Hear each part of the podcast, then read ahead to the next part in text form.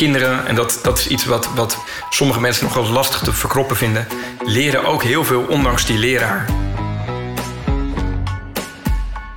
Als je het ziet als een trap, zet dan elke keer één stap. En kijk dan weer even om je heen. Waar zijn we dan nu aanbeland? Oké, wat wordt dan de volgende stap? Leiderschap is eigenlijk hetzelfde als lidmaatschap. Prachtig citaat. Eigen, wijs en inspirerend. Een podcast over leidinggeven in het onderwijs. Onderwijs is van groot belang en het ligt vaak onder een vergrootglas. Wie geeft hier sturing aan? Welke dilemma's kom je tegen? Hoe kan je je hier het beste toe verhouden? Hoe krijg je het onderwijs en de organisaties in beweging? Wat drijft deze mensen? Vanuit welke gedachten handelen zij? In deze podcast komen leidinggevenden aan het woord die dat dagelijks met veel plezier en toewijding doen. Ditmaal aan het woord is Maarten Stuyfbergen, voorzitter college van bestuur van Stopos. En zoals het in het onderwijs betaamt, starten we de kennismaking met het Vriendjes en Vriendinnetjesboekje. Naam, Maarten Stuifbergen, geboortedatum, eh, 9 april 1985. woonplaats, Leiden. broers, zussen, Ik heb twee broers. burgerlijke staat, Ik ben gehuwd. kinderen. Ik heb één prachtige dochter. Mijn collega's kennen mij als Oeh, mijn collega's kennen mij als een bevlogen onderwijsman. als de wekker ochtends gaat, denk ik. Eh, tegenwoordig eh, zo snel mogelijk een luier verschonen. De mooiste plek op de wereld waar ik geweest ben. Oeh, dat zijn er nogal wat. Ehm, ik denk eh, op een bootje eh, op de Gangesrivier in eh, India. Eh Miyabki Hindi Tora Tora ga ik dan bijna zeggen. De beste uitvinding ooit. De beste uitvinding ooit. Dat is denk ik. ehm, Oeh. Ik denk de democratie. Daar was dat aanloopje helemaal niet slecht voor, volgens mij. Jouw beste beslissing ooit. Om in het onderwijs te gaan werken. Mijn laatst gelezen boek. Van Marieke Lucas Rijneveld. Haar laatste boek. En dat is Mijn Lieve Gunsteling. Ik geef het liefste geld uit aan. Aan. Nou goed, ik denk, ik denk aan boeken, maar ook aan muziek. Dus die twee. Welke film kan je oneindig vaak kijken? The Dead Poets Society. Ga meteen een lampje branden. En wat doe je als je niet met werk bezig bent? Dan maak ik muziek. Of tegenwoordig ben ik eh, met eh, mijn vrouw en dochter en eh, maken we er in deze bijzondere tijd het beste van. We zijn ook in een ruimte met zowel een kinderkleed als een... nou, we zitten precies in, het midden van het kinderkleed en de piano, hè? Dat klopt. Ja. De twee, de twee hobby's zo. Dit ben ik samengevat in drie woorden. Energie. Ongeduldig. En toekomstgericht.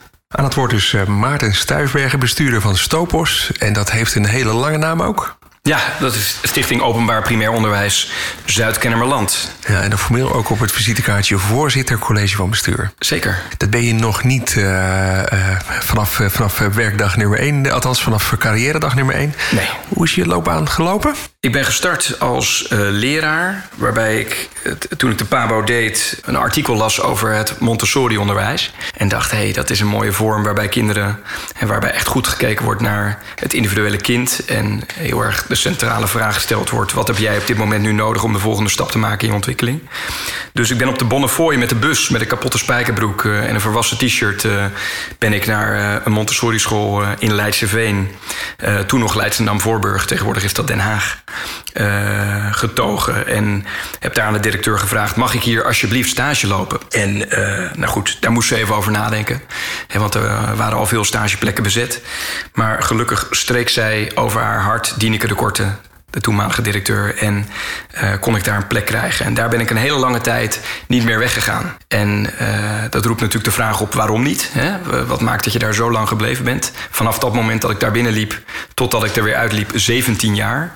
Nou, ik ben, zoals je net gehoord hebt, op basis van mijn geboortedatum 35 jaar oud. Dus dat is best een lange tijd. Ehm, en dat komt omdat ik daar elke keer weer iets nieuws ontdekte. En dat is denk ik belangrijk in je werk. Dat je elke keer weer een nieuwe laag ontdekt. Eh, een nieuwe dimensie van je werk. Die maakt dat het de moeite waard is. En dat was voor mij het werken met kinderen. Ik heb daar in de onderbouw gewerkt, de middenbouw, de bovenbouw, heterogene groepen waarbij kinderen van verschillende leeftijden bij elkaar zitten. Uh, wat natuurlijk een enorme, bijzondere dynamiek met zich, uh, met zich meebrengt, waarbij kinderen van elkaar leren, kinderen elkaar wegwijs maken in de wereld. Iets wat ik nu ook echt in me meedraag, ook in mijn rol als bestuurder. Uiteindelijk daar uh, teamleider geworden, directeur, uiteindelijk directeur-bestuurder van de stichting met twee grote scholen waar die school ook onder hoort. En na 17 jaar dus bedacht... hey, uh, voor mij is het belangrijk om een uh, stap te maken buiten dat Montessori-onderwijs. Wat ik nog steeds een prachtige vorm vind. Maar er gebeurt zoveel moois buiten dat Montessori-onderwijs, in het onderwijs. Dus dat, uh, dat ben ik gaan onderzoeken. In de tussentijd dat ik les gaf als leraar trouwens... dat is belangrijk om te vermelden... heb ik een aantal jaar ook les gegeven aan de PABO... hier in Leiden, de Hogeschool Leiden. Met, met hart en ziel vanuit het idee dat het belangrijk is om enerzijds direct in de klas of in de school bij te dragen aan goed onderwijs. En anderzijds dat ook weer aan een nieuwe generatie leraren mee te geven. Er is een tijd geweest dat je alleen op de Pabo mocht werken met grijze haren en het liefst nog geitenwolle sokken, hè? Nou, ja, ga ik niet onder de tafel kijken, maar grijze haren heb ik nog niet zo gezien. Nee, nee, dat wat valt, wat deed je er? mee. Uh, wat ik daar deed, ja, nee, ik, de, ik, ik, kwam daar terecht op, uh, binnen een faculteit waar, waarin ik dat beeld juist helemaal niet uh, terugzag. Waarin ik ook een heleboel jonge mensen zag, een hele grote diversiteit aan mensen, een hele grote leerplek waar iedereen ook leerling is. En, en ja, waar op een hele innovatieve manier nagedacht wordt over het in de wereld brengen van een nieuwe generatie leraren. Nou goed, daar komen we misschien zo meteen nog wel over te spreken. Een van de grote uitdagingen waar we met z'n allen maatschappelijk voor staan, is natuurlijk dat lerarentekort. En uh, ja, een van de grote oplossingen om dat lerarentekort een halt toe te roepen, is natuurlijk dat de opleiding goed aansluit bij onderwijs voor de toekomst. Dus dat was ook een hartstochtelijke wens om daar, nou ja, binnen mij beperkt beperkte mogelijkheden en bijdrage aan te leveren. En er staat mij bij, dat uitstapje maak ik maar meteen even... dat je los van uh, dus docent en uh, directeur ook nog eens filmmaker bent geweest. Ja, ja, ik heb onderwijskunde gestudeerd en uh, heb een centrale vraag onderzocht in mijn afstuderen bij Rob Martens.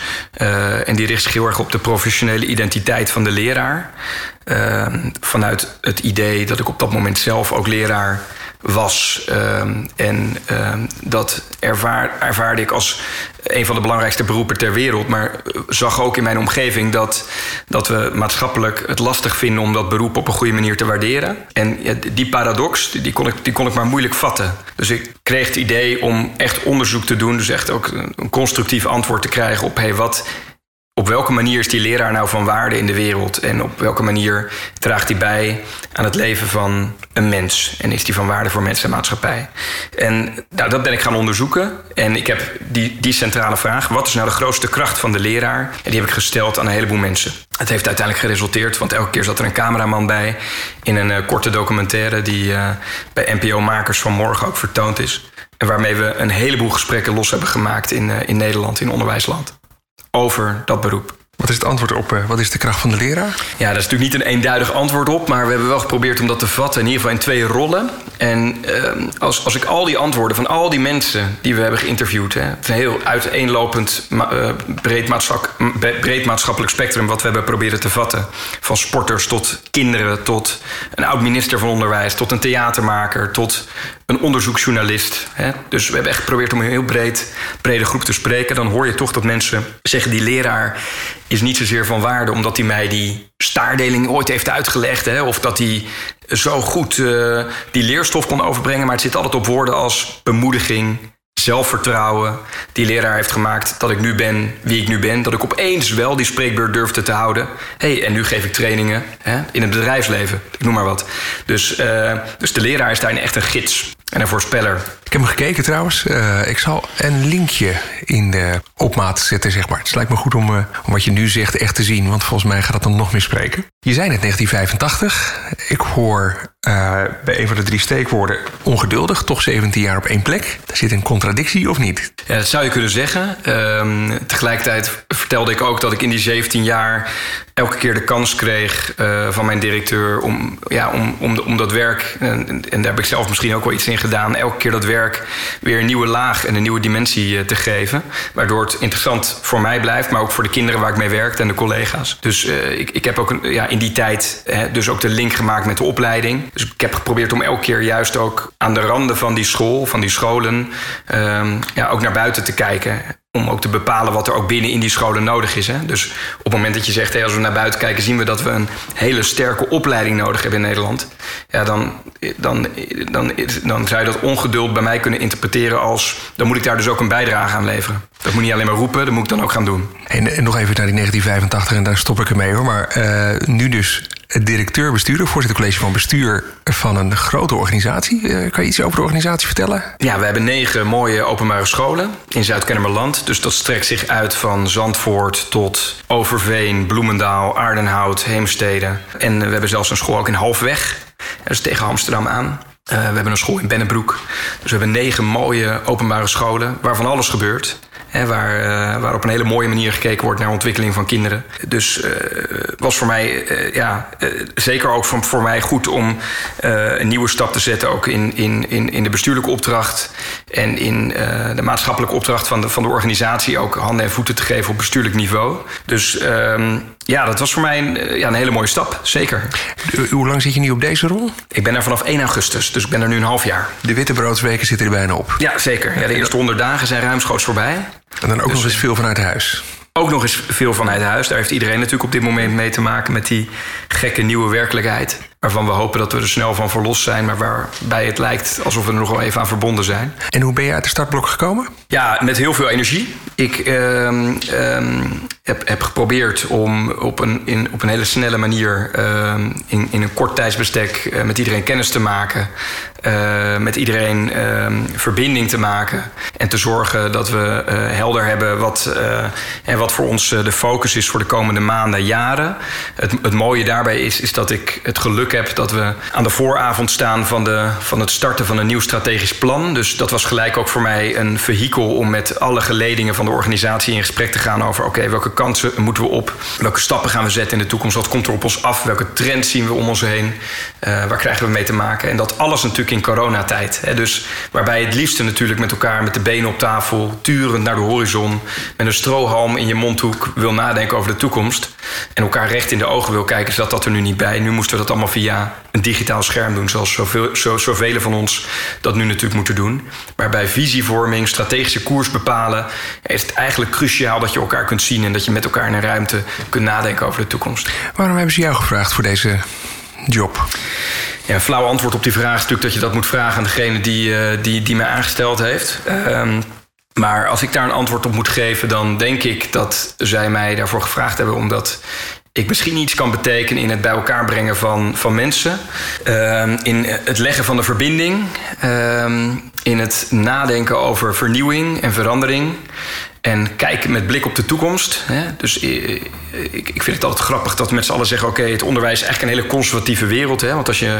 Ik hoorde laatst ook iemand zeggen, een wat oudere bestuurder, van. Uh, ja, dan loop ik door een school en dan zie ik eigenlijk dat het onderwijs nog steeds zo is als het bij mij vroeger was. Nou goed, ik vind dat dat een iets wat cynische opmerking. Omdat volgens mij het onderwijs in de afgelopen maanden bewezen heeft dat als er één sector is die niet conservatief is en die nou, binnen een handomdraai zijn hele onderwijs, van fysiek onderwijs naar digitaal onderwijs weten te transformeren. Even daar gelaten wat, wat we daarvan vinden met z'n allen. Maar goed, ze hebben die transformatie gemaakt. Ja, ik maak daarvoor een hele diepe buiging. En ik kan niet anders zeggen dan dat het volgens mij een van de meest wendbare sectoren zijn die Nederland rijk is samen met de zorg. Dus, uh, dus iedereen die nu nog roept, het onderwijs is een conservatieve sector, ja, die, moet, uh, die moet volgens mij even goed achter zijn oren krabben en kijken naar wat er de afgelopen maanden tot stand gebracht is. Laat maar hopen dat die bestuurder die sprak net een week op de, op, bij de zaak werkte, hè? want anders. Ja, die is intussen met pensioen. Dus oh. misschien is dat ook wel gewoon een natuurlijk verloop van, uh, van hoe het moet gaan in het leven. Dat is wel een aardige uitspraak van een bestuurder over zijn eigen organisatie. Hè? Wat, wat doet hij dan wel? De, de, de, de, brieven tekenen. Maar goed. Over de gepensioneerden niets dan goed, zeg ik altijd. Uh, amen, om het maar even stichtelijk af te sluiten. Hey, valt er een rode draad te herkennen vanaf, uh, vanaf die jongen die in zijn kloffie binnenkwam lopen? Ja, ik denk dat de rode draad is dat, dat ik altijd gericht ben op de ontwikkeling van het kind, maar tegelijkertijd ook op de ontwikkeling van de wereld. Dus die twee dingen kan je niet los van elkaar zien. Dus het onderwijs is niet een soort geïsoleerd systeem of een matrix van leerstof dat we uitstorten over kinderen, maar moet altijd gericht zijn op de ontwikkeling van de wereld.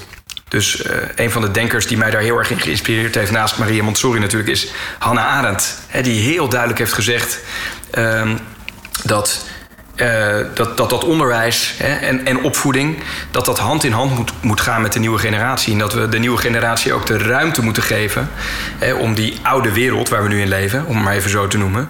om daar zelf ook opnieuw weer invulling aan te geven. Ja, dat vind ik gewoon echt een hele mooie, krachtige gedachte. En ik zie in het onderwijs nog te vaak dat we de houding hebben van wij weten hoe die nieuwe wereld eruit moet zien, wij volwassenen. En dat gaan we aan jullie vertellen, nieuwe generatie. Maar volgens mij moeten we dat omdraaien. Volgens mij zouden we veel meer de rol moeten hebben van de oude wereld aan het kind voorstellen en het kind de ruimte geven ja, om daar iets aan toe te voegen. Zonder dat het kind al geïndoctrineerd is met hoe wij naar die oude wereld kijken. Als we hem even plat slaan, is eh, onderwijs twee dingen: pedagogiek en didactiek. Ben je een eh, pedagoog of een didacticus? Ben ik absoluut een pedagoog. Ja. Ik, dacht, ik laat even een retorische vraag tussendoor stellen. En, en, ergens is dat leidinggeven dan toch op je pad gekomen. Hè? Uh, verhoudingsgewijs ook daar waarschijnlijk weer jong in. Wat, eh, hadden ze dat goed gezien of wat zagen ze in je? Um, wat zagen ze in mij? Nou, ze zagen, hoop ik, een enthousiast uh, jong iemand... die de balans zoekt juist in hè, het onderwijs maar tegelijkertijd ook uh, de wereld, hè, dus de ontwikkeling van het kind en de ontwikkeling van de wereld. Die twee dingen samen. En uh, een, een, mooi citaat uh, van, van Maria Montessori, ik was toen in het Montessori-onderwijs op een Montessori-school, is ook, dat is ook een, een boektitel van haar, Door het kind naar een nieuwe wereld. Ja, toen ik dat boek las, toen veranderde voor mij ook een heleboel. Want hè, op het moment dat je er zo naar gaat kijken, dat je het kind. Het kind is eigenlijk de regisseur van het naar een nieuwe wereld toe gaan. Ja, dat, dat, dat is natuurlijk een hele mooie gedachte, een hele krachtige gedachte dat we de jeugd, dat we de jongeren emanciperen om daadwerkelijk iets te veranderen in de wereld. Uh, als, we, als we dat kunnen bewerkstelligen als onderwijs, ja, dan, dan, dan, dan, leggen we echt, dan leggen we echt die verantwoordelijkheid niet alleen maar bij onszelf, maar we maken dat echt tot een gedeelde verantwoordelijkheid. En we betrekken daar volop ook de stem van de leerling, de stem van, de stem van het kind bij. Ja, dat is van cruciaal belang. Dus, oh, dus antwoord op jouw vraag. Uh, dus uh, wat, wat, is de reden geweest dat ik ben gaan leiding geven? Ja, om samen toch die beweging in gang te zetten. Hè? Dus om samen met elkaar een bepaalde kant op te gaan. En, uh, en ik heb ook altijd wel eens gezegd, hè, mensen stellen natuurlijk vaak die vraag, hè, want ik ben van leraar naar teamleider, bouwcoördinator, naar directeur, naar directeur-bestuurder en nu naar bestuurder van een grotere organisatie gegaan. Ja, wat maakt nou dat je elke keer die stap maakt? En uh, een antwoord daarop zou kunnen zijn dat, uh, stel dat ik iets goed deed in die klas met 30 kinderen. Dan uh, roept dat natuurlijk de vraag op of dat goede wat ik deed, hè, bij mijzelf dan in ieder geval, niet zou moeten afstralen op meerdere kinderen. Dus op het moment dat ik leiding geef aan een organisatie met 19 groepen, hè, dan vermenigvuldig je die impact alweer. Dus op het moment dat je een onderwijsorganisatie bestuurt met negen scholen, vermenigvuldig je die impact weer opnieuw. dus ik zeg er ook heel nadrukkelijk bij, vanuit al mijn bescheidenheid, ervan uitgaande dat ik iets goed deed in die klas met kinderen, hoop ik dat ik dat nu doe vanuit een ander perspectief bijdraag aan, aan, hetzelfde, maar vanuit een andere invalshoek. En heb je daardoor langzamerhand een soort eigen visie op leiderschap ontwikkeld? Zeker. Ja, nou goed. Alle, ik, ik, ik, ik gebruikte net voor het eerst volgens mij in dit interview het woord samen. Dat is voor mij een, als je het hebt over een belangrijk woord in, in leiderschap, is dat je dat niet alleen doet. ik, ik hoorde, uh, ik, ik, ik, ik sprak uh, een paar maanden geleden, dat was in april alweer. Hè, dus dat was net zo in die eerste golf. Sprak ik met Ernst-Jan Stichter, directeur van Microsoft Nederland. En hij gaf aan een heel mooi citaat, wat daarna nog steeds, eigenlijk tot op de dag van vandaag, nog nagonst in mijn achterhoofd. En hij zei: Leiderschap is eigenlijk hetzelfde als lidmaatschap. Prachtig citaat, want wat hij daarmee zei is: je bent onderdeel van het geheel. Je moet jezelf niet buiten, buiten het systeem plaatsen als je leiding geeft. En proberen dat systeem een bepaalde kant op te sturen. Nee, je moet onderdeel zijn van dat systeem. En, en dat ja, onderstreept eigenlijk exact hoe ik ook kijk naar leiderschap. Uh, leiderschap staat niet op zichzelf, staat niet uh, voor iemand die buiten de organisatie staat en probeert aan touwtjes te trekken waardoor die organisatie in beweging komt. Nee, je bent zelf ook met je voeten in die organisatie. Ik kan me dat ook niet anders voorstellen. De eerste honderd dagen zitten nu op, hè, op, op uh, in je huidige nieuwe baan. Je hebt een beetje de nieren van de organisatie kunnen proeven. Waar liggen je ambities? Wat, waar ga je het meest op richten? Hoop je? Verwacht je? Uh, waar ik me het meest op ga richten de komende, de komende jaren. En, en ik, ik, vertelde net, we, we, hebben net een heel mooi eerste concept afgeleverd van ons strategisch plan. Dat plan draagt de titel, de werktitel Onderwijs van vandaag verbinden met de wereld van morgen. En, ja, en dus we, hebben het heel erg, we voeren heel erg met elkaar de dialoog in onderwijsland over goed onderwijs. Ja, wat is nou goed onderwijs? Ja, in mijn optiek is goed onderwijs, goed onderwijs dat kinderen voorbereidt voor die toekomst. En we zien ook heel vaak dat we te maken met voortschrijdend inzicht, want die toekomst komt zo snel op ons af. Hè? Uh, die toekomst is misschien niet morgen, maar die is misschien vandaag al begonnen. Dus het vraagt om enorme wendbaarheid van organisaties. En dat we onze focus niet zozeer alleen maar naar binnen in de organisatie leggen, maar juist heel erg naar buiten. Dat we die luxe flex opengooien en dat we naar buiten kijken en bedenken: hé, hey, dat wat daar buiten gebeurt, moeten we meenemen naar binnen. Want dat is voor nu van, van waarde. Uh, want dat is ook een goede voorspeller voor wat er weer morgen gaat gebeuren. Dus um, zonder uh, onderwijs tot een reactief mechanisme te maken. Dat het elke keer reageert op dat wat je ziet in de samenleving. Het onderwijs zou wel degelijk ook stelling in moeten nemen. En kinderen vanuit een bepaalde opvoedkundige gedachte normen en waarden moeten meegeven. die we hanteren hier met elkaar in Nederland. Um, dus enerzijds heel erg kijken naar hey, wat gebeurt er in de wereld, welke kant gaat het op en wat is belangrijk voor kinderen, welke elementen moeten ze nu meenemen in hun rugzak om zich morgen staande te kunnen houden in de maatschappij die zich dan voordoet. Anderzijds ook moeten we een langere lijn, en dat heeft weer een deel te maken met sociologie, onderwijsfilosofische lijn, van hey, wat willen we kinderen eigenlijk op de lange termijn meegeven om een mooiere wereld te maken. En hoe organiseer je die ambitie? In je organisatie? Wat we gedaan hebben is dat we direct vanaf de start dat ik er ben... een kernteam in het, in het leven geroepen. Strategisch beleid, strategische koers. En daar voeren we die gesprekken. En nogmaals, die zijn ingewikkeld in coronatijd. Want dat doen we allemaal digitaal. Maar we hebben ze gevoerd. En die waren niet mals. Die gaan echt over de kern van ons onderwijs. Welke kant willen we op?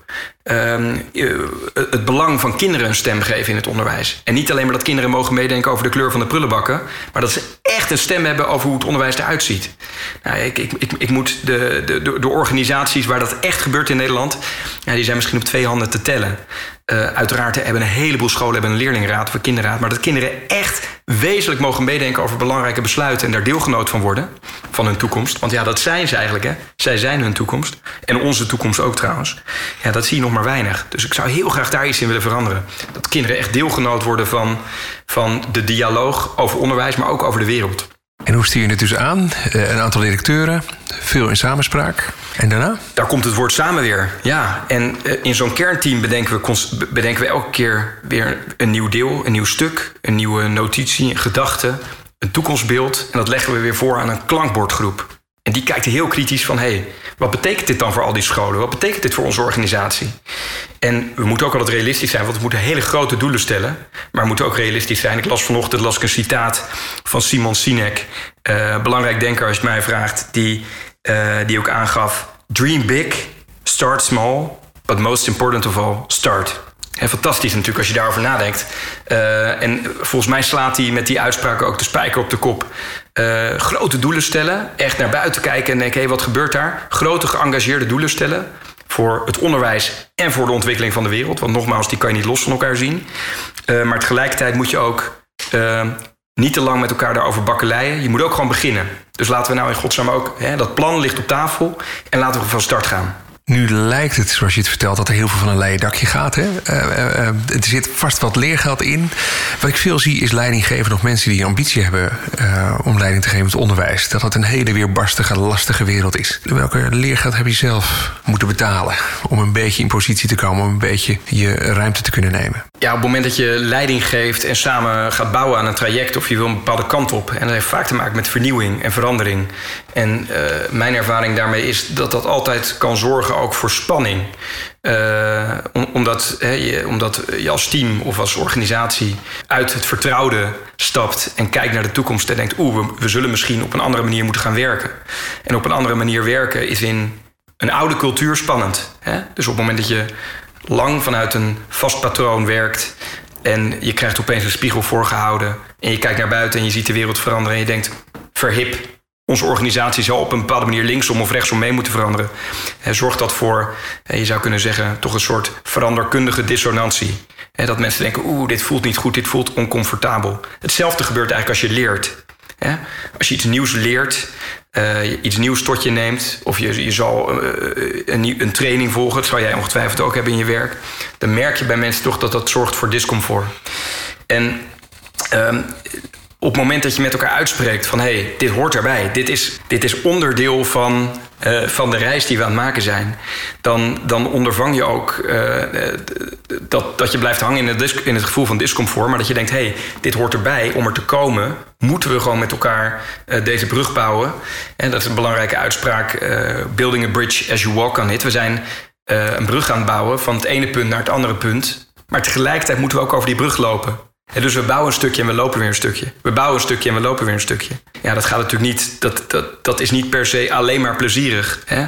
Ik zou uh, het cliché zonder frictie geen glans willen, we, eigenlijk weg, weg willen laten, maar nu heb ik hem toch genoemd. Maar dat is natuurlijk wel een waarheid als een koe. Hè? Dus uh, op het moment dat je verandert, op het moment dat je ja, een bepaalde kant op gaat en je trekt het uit het vertrouwde, ja, dat zorgt natuurlijk voor frictie. Dat zorgt voor schuring. En juist dat het schuurt, is in mijn optiek reden, of eigenlijk, uh, dat geeft eigenlijk weer dat, dat er een dialoog gevoerd wordt met elkaar. Dus dat er ook een verandering in gang gezet wordt. En eigenlijk gun je degene die eraan beginnen dat ze een beetje eelt opbouwen op hun ziel, om het niet los te laten, maar even door te zetten.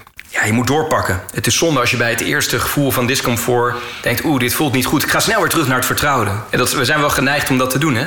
Want we zijn natuurlijk gewoon gewoontedieren. Ja, maar dan weet je wat je krijgt. Uh, ja, ja, ja, maar ik denk wat mensen dus nodig hebben, en teams ook nodig hebben, maar leiders ook nodig hebben, is dat ze heel erg dat punt waar je naartoe werkt met elkaar, dat je dat heel, heel helder hebt dus ook in alle lagen van de organisatie, alle teams, ook het stafkantoor, maar ook de Raad van Toezicht, ook de gemeenschappelijke medezeggenschapsraad. Iedereen die onderdeel is van dat ecosysteem, zal je onderdeel moeten maken van die grote droom van uh, Simon Sinek. Heb je nog meer van die uh, leerpijntjes die je uh, anderen gunt dat ze daar doorheen gaan? Ja, ik, ik, ik, ik gun mensen ook eh, dat ze, dat ze er vrede mee hebben dat ze kleine stappen zetten. Op het moment dat je grote stappen zet, dan. Hè, dus, dat hoor je natuurlijk ook vaak in een organisatie. Hè, we moeten nu echt tempo maken, we moeten grote stappen zetten.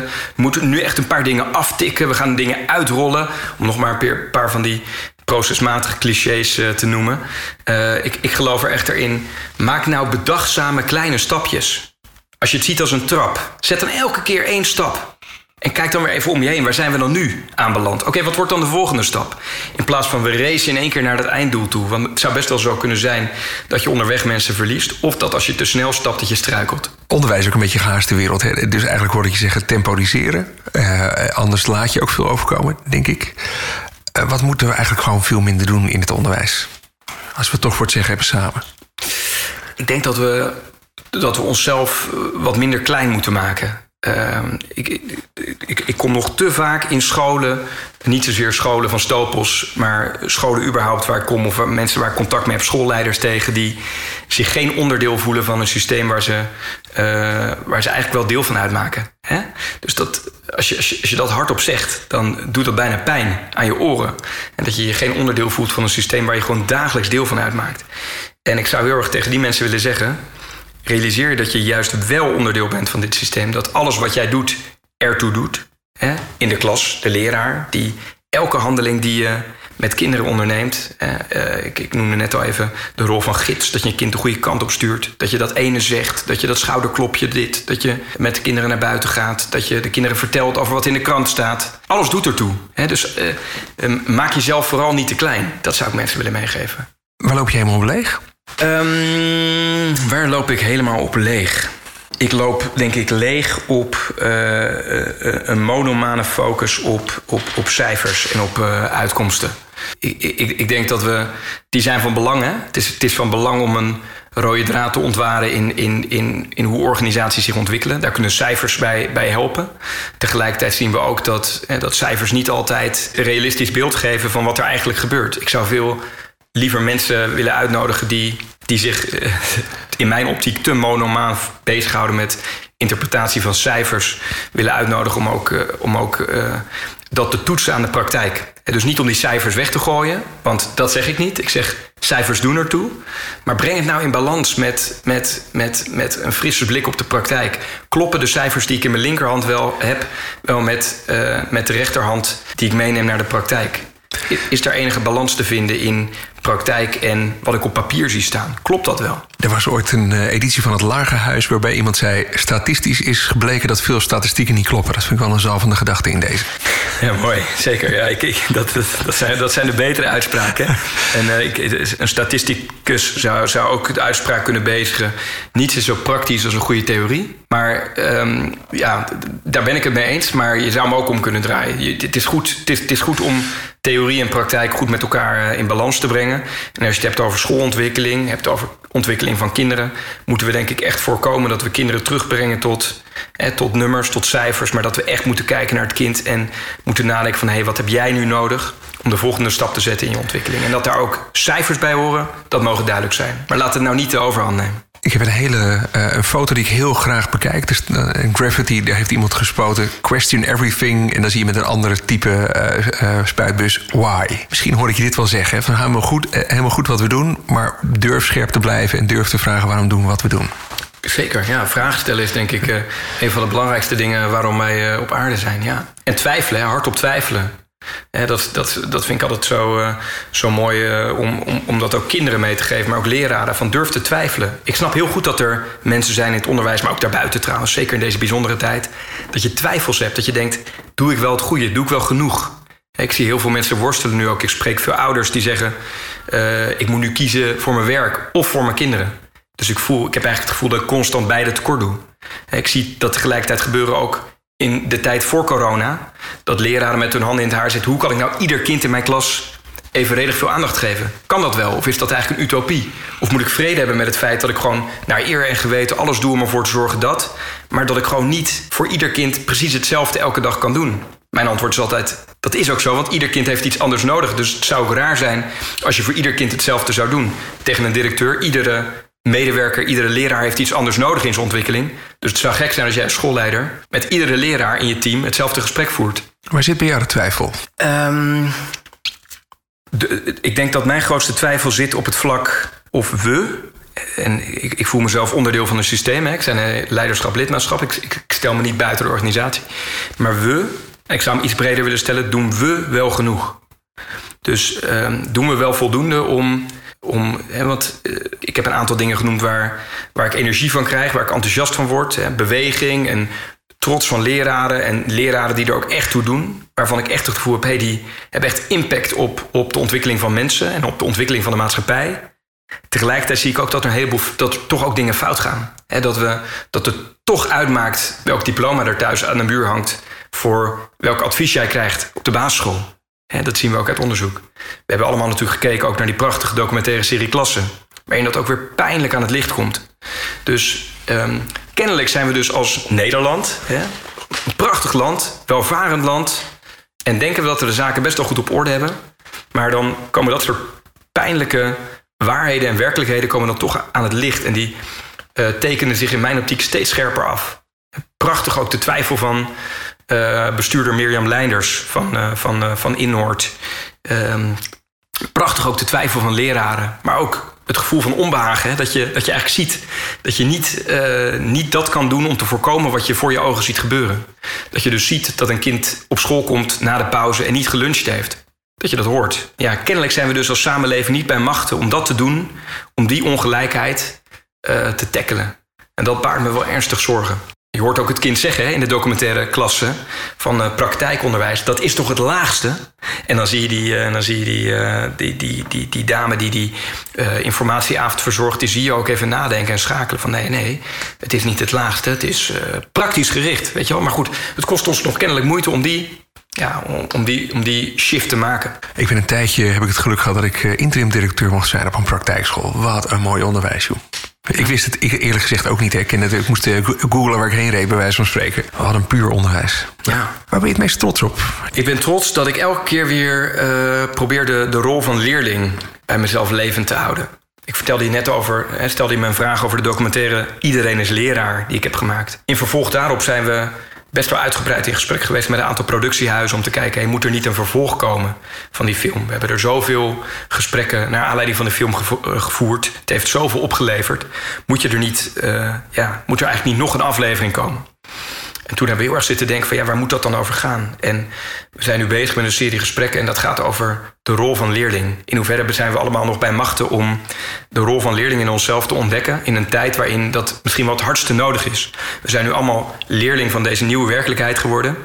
En we staan allemaal voor keuzes elke dag weer die flexibiliteit en wendbaarheid van ons vragen. Dus als een keer, dan nu, moeten we allemaal de rol van leerling in ons meedragen. En de rol van leerling is dus niet enkel toebedeeld aan kinderen of jongeren, maar juist ook ouderen. Mensen die langer meedraaien in organisaties zouden die wendbaarheid in zich mee moeten dragen. En we zien nog te weinig dat die, dat, dat lerend vermogen ook vast onderdeel is van zelfevaluatie. Vast onderdeel is van hoe je naar jezelf kijkt. Dus ik, ik ben er trots op dat ik dat in ieder geval bij mezelf elke keer scherp houd. Het feit dat ik nu gesprekken voer met een heleboel mensen over hoe zie jij die rol van leerling bij jezelf terug. Uh, ja, dat geeft, dat geeft ongelooflijk veel voeding aan de zoektocht om zelf ook elke keer weer te blijven leren. Want we komen nu bijna op een punt dat een leven lang leren, dat dat een soort holle frase aan het worden is. En dat mensen dat wel roepen, maar dat ze het niet belichamen, niet praktiseren. Dus voor, uh, ik, ik, in, een gesprek met Barbara Baarsma, directievoorzitter van, uh, van de Rabobank, hadden we ook een heel mooi inzicht. Zij gaf ook aan. Um, een leven lang, het is niet een leven lang leren. Het, het zou veel sprankelender moeten zijn. Het moet zijn lang leven leren. En je moet veel meer uitgaan van het plezier dat het ook genereert. Het is niet alleen maar vervelend of naar om te doen, of een, of een noodzakelijk kwaad, of het zorgt voor weerstand of discomfort, waar we eerder over spraken in dit gesprek. Maar het geeft je ook een nieuw perspectief op de toekomst. Het is zo nodig als je een bepaalde kant op gaat. Ik kan me eigenlijk geen ander onderwerp bedenken voor de komende jaren dan dat we allemaal heel goed na moeten denken hoe we zelf leerling zijn in deze tijd. Heb je nog meer dingen op je educatieve bucketlist? Oeh, educatieve bucketlist, dat is wel een mooie. Um, nou goed, ik, ik, dat wat ik je net vertel is, is, is, is, denk, ik, uh, is denk ik belangrijk. Ik, ik probeer elke keer uh, na te denken over, over wat doet er nu toe voor mij? En, en, en wat zie ik terug in de wereld? En, en als je het hebt over dit thema, ik kan het niet vaak genoeg benadrukken... dan, dan, dan is dat een thema wat, wat mij wel heel erg na het hart gaat. En um, ja educatieve bucketlist. Ik zou zo graag willen dat, ja, dat er weer een tijd komt waarin we. Maar goed, daar snakt iedereen naar natuurlijk. Dat begrijp ik heel goed. Dus in die zin sta ik daar niet alleen in, denk ik. Dat we weer uh, letterlijk fysiek ook de koppen bij elkaar kunnen steken. Omdat het samen ik nu eigenlijk het hardste mis. Uh, we, we, we, ik had het eenmaal aan het begin van dit gesprek misschien wel over de verbinding. Waarom zou iemand mij kiezen voor een rol als bestuurder? Omdat ik misschien die verbinding kan brengen. Tegelijkertijd zijn we op dit moment alleen digitaal verbonden. En ja, dat, dat is wel een hard gelach als je denkt over hoe komt de verbinding op een goede manier tot stand. En zou dat natuurlijk verder moeten gaan dan een digitale verbinding. Dus ik uh, kijk echt rijkalsend uit naar een tijd dat we weer als onderwijsmensen, maar juist ook veel meer pluriforme groepen. Mensen die aan de rand van het onderwijs staan. Ik zou ook zo graag de zorg wat meer willen betrekken bij het onderwijs. Omdat het ook eigenlijk twee werelden zijn die zoveel met elkaar te maken hebben en zoveel voor elkaar kunnen betekenen. Maar nu misschien te veel langs elkaar heen leven en werken. Uh, dus in die, in die zin staat er genoeg op mijn educatieve bucketlist. Maar uh, laten we maar gewoon beginnen bij het begin. En starten met, uh, met dat wat bovenaan mijn uh, educatieve bucketlist staat. En dat is een strategisch plan voor de scholen van Stopos verder brengen. hey, wat hebben we nog niet besproken wat wel op tafel had Ja, als je mij de ruimte geeft om nog iets, nog iets aan te geven, is dat als je het hebt over het woord handelen, dat is een woord wat je vaak terug hoort. Stappen maken, snel iets uitrollen. Ik noemde het net al, van die krachttermen. Terwijl het onderwijs schuilt soms ook in, in bescheidenheid en in op je handen zitten en het laten gebeuren. En het kind de ruimte geven om zich op een bepaalde manier te ontwikkelen. Of de leraar de ruimte te geven om zich op een bepaalde manier te ontwikkelen. Uh, of een school een bepaalde kant op te laten gaan en een visie te vormen die aansluit bij de behoeften van de lokale context waar die school staat. En ik las onlangs een artikel waarin uh, uh, Jonathan Soharno heet de beste man, advocaat, hoogleraar recht, aangaf. In de advocatuur is het eigenlijk altijd zaterdag, gaf hij aan. Vond zo'n mooie uitspraak. Je doet eigenlijk altijd niets totdat je iets moet doen. En dat niets doen, dat klinkt, dat klinkt natuurlijk heel passief. En dat is het natuurlijk niet. Want je bent natuurlijk constant verbonden met dat wat er buiten gebeurt. Of je bent constant even de transformatie naar leraar of naar directeur of naar bestuurder. Je bent natuurlijk constant verbonden met dat onderwijsveld, met die kinderen die voor je zitten. Maar het kan ook zomaar zijn dat jij als pedagoog of als leraar de keuze maakt: ik doe nu even niets, ik laat het even gebeuren. Want dat is niet per se slecht of dat is niet per se passief. Maar dan geef je bewust de ruimte aan ontwikkeling wat op dat moment tot stand kan komen. Kinderen, en dat, dat is iets wat, wat sommige mensen nog wel lastig te verkroppen vinden, leren ook heel veel ondanks die leraar. Ondanks, ondanks het handelend vermogen van die leraar. Ehm, dus ik zou, eh, als je me de ruimte geeft om nog, om nog een bepaalde kant op te gaan, dan zou ik ook een lans willen breken voor soms op je handen zitten. En, en, uh, en, en ook wat vaker te denken, ik kies er nu bewust voor. Hè, dus in die zin zou je kunnen zeggen dat het ook een bewuste handeling is en dat het alsnog handel is. Ik kies er nu bewust voor om even niks te doen, om alleen maar te kijken en het te laten gebeuren. Misschien komt een kind of een leraar of een teamlid op die manier en met die houding op een hele andere plek uit dan dat jij had verwacht of dat dan was gebeurd wanneer jij gelijk had geïnterveneerd. Hij ligt mooi in het uh, verlengde van deze vraag. Wat is de belangrijkste les die je de luisteraars niet wil onthouden? Jeetje, wat een, eh, wat een goede vraag allemaal. De belangrijkste les zou zijn dat, en dat is een ingewikkelde, dat realiseer ik me, maar dat mensen zich realiseren dat, dat niet alles vanzelf gaat. En dat uh, ontwikkeling gepaard gaat met. Je stelt grote doelen. En de weg naar zo'n groot doel toe gaat gepaard met grote fouten. En dat is niet erg. Uh, zolang je niet elke dag dezelfde fout maakt, is dat niet erg. En, en ik, ik, weet nog goed, dat is echt al jaren geleden. Ik denk dat het intussen al 10, 11 jaar geleden is dat ik uh, op mijn whiteboardje in de klas, in de bovenbouwgroep, een rood stickertje had hangen. En daar stond op: Als dat maar fout gaat. Wat natuurlijk een reactie is op een uitspraak die we vaak gebruiken: Als dat maar goed gaat. Waar de nadrukkelijke wens ook in samenkomt om zoveel mogelijk fouten te maken. En elk jaar dat ik een nieuwe groep startte met kinderen, kwam er wel iemand, een kind, die zei van meester, wat, wat, wat, is, wat is dat voor, voor sticker? En dan kwam het gesprek los over, ja, als dat maar fout gaat. En, en laten we nou ervoor zorgen dat we dit jaar zoveel mogelijk fouten maken met elkaar. En dat, dat we ervoor zorgen dat, nou goed, dat fouten maken eigenlijk een onderdeel wordt van onze, onze modus operandi. En dat we daar niet onze ogen voor sluiten en dat iets is waar je bang voor bent. En dat is eigenlijk doorgegaan in mijn rol als directeur. En dat, dat, dat is iets wat ik nu ook weer opnieuw een plek geef in mijn rol als bestuurder. We maken fouten en wees er ook trots op. Geef er ook, eh, zet die fouten ook gewoon op een voetstuk en leer ervan. En zorg dat je daarmee dat wat je elke dag doet mooier maakt. Met welke tegelwijsheid zou je af willen sluiten? Ja, ik denk een tegelwijsheid die ik eerder, um, die ik eerder heb genoemd. En, en dat, dat, dat is de tegelwijsheid over dromen. En uh, ik noemde hem al eerder in dit uh, interview. En dat is een, uh, een, een citaat van Simon Sinek. En het is natuurlijk geen. Ehm, het is, hij, hij, is misschien wel in lijn met Nike, hè? dat je het gewoon moet doen. Hij is misschien wel in lijn met andere denkers. Maar het klinkt alsof het ook heel makkelijk is, maar dat is het niet. Daar moet hij volgens mij ook op een tegeltje. Ehm, en ik heb hem ook opgehangen boven mijn werkplek. En dat is Dream Big, Start Small, but most of all most important of all, start. Dus laten we nou met z'n allen in beweging komen. En een beweging kan ook zijn dat je er even voor kiest om niks te doen. Dat je even afwacht. Maar eigenlijk ben je dan al begonnen. Hè? Maar als je die grote droom maar goed scherp in het vizier houdt. En deel die droom ook met elkaar. Hou hem niet voor jezelf, maar maak hem vocaal en deel hem met je omgeving. Want alleen samen kan je volgens mij die droom tot werkelijkheid maken. En dat er een heleboel stapjes gezet moeten worden. Ik heb ook gezegd, bij voorkeur kleine stapjes en bedachtzame stapjes. Op een ladder van naar dat grote doel.